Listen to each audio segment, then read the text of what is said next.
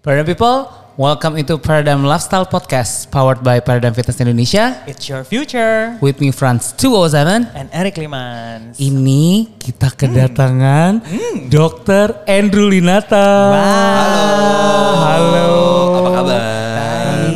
Loh kok ah, dokter yang nanya ya? Karena kan kemarin kita sehabis treatment. Bener. Terus ketemu lagi. Benar. Satu bulan kayaknya lebih dari satu kali ya. Kita Jumpa, jadi mau tanya bosan. kabarnya. Benar. Baik dok. Baik, puji Dokter Tuhan. gimana? Aku udah turun on the way 8 kilo loh. Oh ya? Heeh, Eric udah turun on the way. 4 kilo. Iya. Tapi mungkin pas podcast ini ditayangin aku udah turunnya 10 kilo kayaknya. Mm-mm. Oke, achieve target ya. Benar, amin. achieve target banget. Yang paling penting nanti kita ukur dulu, jadi kita bisa membandingkan dan observasi before dan afternya.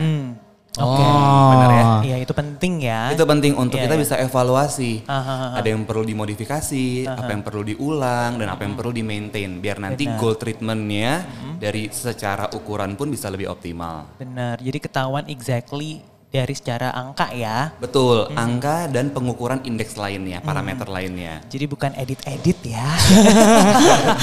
No edit-edit. No edit-edit.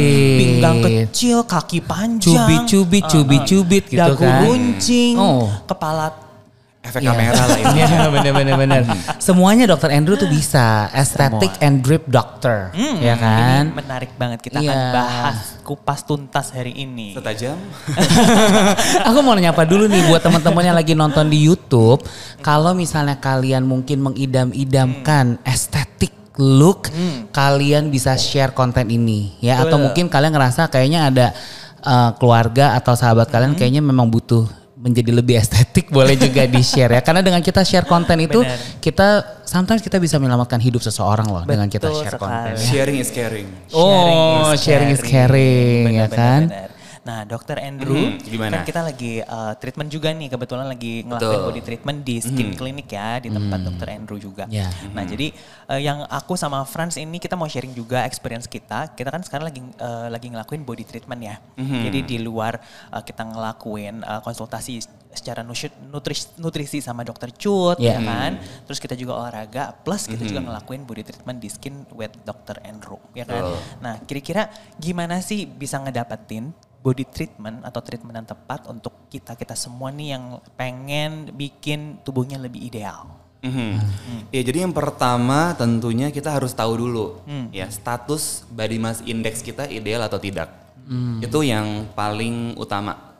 Ya, jadi kita mengukur apakah tinggi dan berat badannya proporsional nggak. Kadang-kadang kalau kita bicara tentang ideal, idealnya semua orang beda-beda. Cuma kalau kita ingin mempunyai standar, jadi BMI (Body Mass Index) atau mungkin dalam bahasa Indonesia-nya indeks massa tubuhnya, kita bisa lihat kategorinya ada di over, normal atau bahkan under. Gitu ya. Nah, tapi banyak juga nih pasien-pasien yang datang dengan kategori yang normal body mass indexnya, tapi mungkin ingin eh, mendapatkan penurunan berat badan misalnya satu atau dua kilo atau mungkin lebih dari dua kilo yang tentunya perlu ada program. Nah biasanya program tersebut harus disupervisi oleh dokter. Oke. Nah kebetulan dengan program Diet by Skin Iya. ya oleh dokter Cut Hafiah. M Gizi, spesialis gizi klinik, Betul. IFOK, Vinem, bukan promosi ya. Iya. Jadi untuk biar menjelaskan bahwa untuk uh, kita bisa mendapatkan yang namanya program slimming itu banyak cara dan banyak plannya yang harus di custom setiap orang berbeda-beda. Nah setelah itu baru nanti kita tentukan apakah memerlukan terapi estetik ataupun drip. Hmm. Mungkin ada pertanyaan dulu dari Franz atau Kak Erik. Oke. Nah, jadi gini, kadang-kadang eh, orang itu pasien-pasien ya gitu customer kayak mungkin gara-gara mereka scrolling juga di sosial media, terus juga Mhm, berdasarkan pengalaman cerita-cerita kalau kata dokter Cut kata orang gitu kan. Kata-katanya. Kata-katanya denger-denger nih Denger-denger. gitu. Mitos atau fakta? Denger-denger nih treatment ini tuh berhasil loh. Yang ini tuh oke loh, kayak lo harus coba deh. Nah itu menyebabkan si pasien ini atau klien ini tuh datang ke klinik itu kayak request. Saya mau treatment ini aja deh dok supaya saya mau gini. Nah padahal kan sebenarnya mereka belum tentu butuh itu kan. Betul. Gitu. Nah jadi kira-kira treatment apa, maksudnya kayak eh, Gimana? gimana sih gitu supaya tuh eh, mengatasi orang-orang yang kayak gitu gitu. Mhm. Jadi kita udah beralih nih ya. Hmm. Tadi kan kita bicara tentang eh, slimming program. Berarti yang sifatnya konsultasi Hmm. ya, yang sifatnya juga rekomendasi meal plan dan juga suplemen-suplemen penunjang. Hmm. Kalau kita bicara tentang treatment, itu ada dua. Biasanya ada yang estetik, berarti injeksi. Hmm. Injeksi ada yang non invasif, berarti tanpa jarum. Hmm. Atau minimal invasif, ada jarum tapi prosedurnya masih dalam kategori yang aman. Ya, yang- yang berikutnya injeksi, terapi infus, drip, IV drip. Ya, aku tipikal pas, eh, dokter yang bisa memberikan pasien rekomendasi untuk tidak treatment. Wow. Ketika memang bukan indikasi atau kandidat yang tepat untuk treatment tersebut. Kalau kita bicara tentang slimming program, berarti pasien-pasien yang mau menurunkan berat badan berarti goalnya adalah lemaknya berkurang. Betul. Ketika dia datang dengan lemak yang minim, terus juga bukan kandidat yang tepat, pasti treatmentnya nggak akan optimal. Nah, berarti mungkin untuk terapi maintenance aku bisa suggest treatment yang lain. Nah, mungkin aku jabarin biar ada gambaran ya. Iya. Untuk terapi yang disupport diberikan di klinik kita itu ada yang minimal invasif ya, contohnya kayak hypodermic yang kemarin kakak-kakaknya pernah coba gimana rasanya? Painless. Iya, itu jujur sih, itu benar-benar gak, be- sebenarnya nggak berasa apa-apa ya. Itu juara sih, itu juara banget. Walaupun pakai jarum ya. Mhm, pasti pakai jarum, ya minimal invasif. Nah, untuk terapi yang hypodermic seperti yang eh, Kak Erik dan Kak Franz juga sebelum treatment ada informed consent dan juga ada pengukuran. Baik lingkar perut atas, lingkar perut tengah dan bawah dan juga ketebalannya. Ketika misalnya memang ketebalannya kurang dari satu inci atau misalnya kurang dari 2 cm, pasti aku akan rekomendasikan treatment yang lain. Gitu. Bisa yang non invasif tanpa jarum, misalnya yang menggunakan uh, ultrasound atau HIFU atau mungkin treatment-treatment yang sifatnya pengencangan. Karena kalau kita bicara tentang body ideal, ya itu pasti nggak cuma lemaknya doang berkurang. Ya pasti ada tiga hal yang perlu kita consider. Lemaknya berkurang, ototnya meningkat, kulitnya mengencang, baru definisi ideal. Kalau salah satu contoh kita fokusnya di otot terus, tapi lemaknya nggak kita consider sebagai sesuatu yang perlu dikurangin, nanti bentuk tubuhnya ya bulky, Oh. ya kan? Lemaknya terus dikurangi, difokusin. Tanpa kita pengencangan nanti ujung-ujungnya mungkin dalam tanda kutip gelambir. Ah. Nah, jadi biasanya semua tahapan itu harus dimulai dari konsultasi. Karena setiap orang sifatnya berbeda-beda keperluannya. Pastinya kalau misalnya dari aku, kalau pasiennya memang cocok, perlu dan memang eh, memiliki benefitnya lebih tinggi dibandingkan dengan efek samping, pasti aku akan rekomendasiin. Yang tapi aku selalu memberikan informasi ke pasien yang paling penting ya tiga hal utama, pilar utama dalam program slimming adalah makan yang cukup, makan yang sehat, istirahat yang cukup dan olahraga yang teratur. Tuh. Gitu. Jadi sifatnya untuk treatment estetik maupun IV drip itu sifatnya adalah penunjang.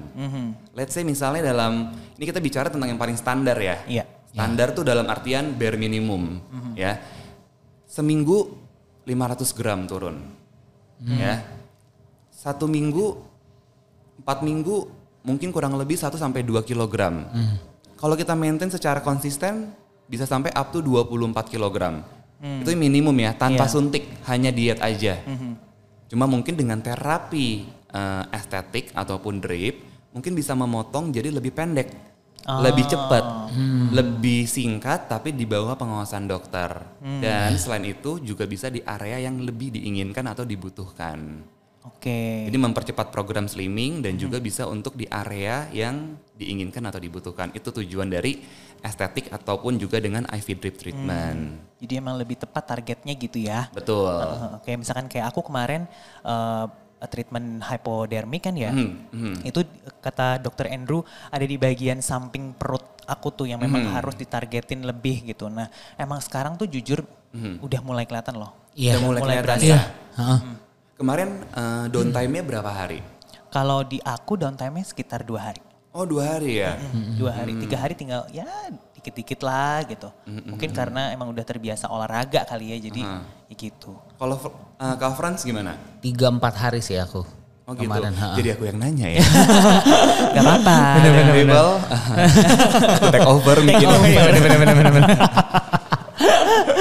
Iya, iya. Nah, jadi Iya. setelah si hypodermic, jadi hypodermic itu kan eh, menggunakan suntikan ya tadi ya. Betul. Mm-mm, gu- Suntik, terus habis itu ada downtime-nya itu feelingnya itu kayak kayak berapa kayak 500 kali sit up ya gitu. Oh 500 kemarin aku bilangnya 100 kali sit up. Iya ini kayak Hmm, 500 berasa. itu lumayan Itu sih. berasa. di hari H pas malam ke besokannya tuh cukup berasa kayak orang habis sit up deh kayak orang olahraga itu serius banget gitu ya. Ayam pelusa berasa. Nah, terus habis itu ya udah bertahap secara bertahap tuh menghilang rasa sakitnya Semakin hari semakin ringan. semakin ringan gitu dan efeknya setelah seminggu tuh semakin kelihatan. Oh ini kayak lebih kecil kayak gitu. Mhm. Lebih soft juga kan biasanya ya. Oh iya bener bener bener bener. Nanti tinggal minggu ketiga biasanya aku rekomendasiin untuk fase pengencangan. Oh, Nah fase pengencangan itu bisa kita mulai dari ada beberapa treatment gitu. Yang pertama IV drip yang fat loss, eye vitamins. Lalu yang kedua bisa terapi yang thermal, yang kukun, ya seperti sauna sekalian detox juga, dan juga bisa dikencangkan kulitnya dengan RF treatment. nice. Mhm. Can't wait. Betul. Jadi emang harus dikombinasi karena kita kalau bicara tentang body ideal nggak bisa lemak aja dikurangin. Tapi kita juga harus consider lem- ototnya juga diperbaiki, ditingkatkan dan juga kulitnya juga Kencang. harus dikencengin. Karena bayangkan misalnya kulit ya yang pernah aku ceritain juga kan waktu itu sebelum tindakan udah terbiasa dengan masa atau jumlah lemak yang lebih banyak. Tiba-tiba dalam tanda kutip ya menyusut atau berkurang dalam waktu yang cukup instan Hmm. Kulitnya kan belum cukup waktu untuk Mhm. beradaptasi. Maka dari itu butuh kolagen-kolagen ya, Mhm. pembentukan kolagen baru agar kulitnya bisa lebih lifting dan mengencang dan terlihat lebih ramping. Hmm. Karena namanya kolagen gak terbentuk satu hari, Mhm. satu minggu, butuh maintenance karena sifatnya pertumbuhannya gradual. Hmm. Jadi semakin hari dirawat, semakin minggu lebih rutin, hasilnya biasanya lebih optimal. Nice. Jadi buat ngencengin kulit juga ya. Betul. Jadi lebih kencang, terus juga lebih cantik ya. lebih proporsional, Lebih ya, proporsional. pakai baju ketat mungkin nggak ada yang tonjolan-tonjolan gelambir kulit Iya, seperti itu kan ya. Benar. Terus juga nggak, masa nggak stretch mark justru ya. Kalau stretch mark terbentuk, eh, terapinya lain. Oke. Mhm, berarti kita harus menggunakan metode yang berbeda. Nanti kita harus lihat dulu tuh stretch mark. Biasanya kalau stretch mark sudah terbentuk, berarti treatmentnya bukan pengencangan. Mhm. Nanti kita konsul di klinik. Yes. Oh. bener bener Ini bener juga- bener bener bener. Ini yang menjadi salah satu Iya. eh, persoalan juga ya buat orang-orang kan tentang Mhm. stretch mark itu sendiri. Nah, nanti akan kita share lebih lengkap bagaimana kak itu di episode selanjutnya. buat para para kalian, buat para para, buat kalian kalian Ah. yang memiliki stress mark, ditunggu episode selanjutnya. Be ready paradigm people.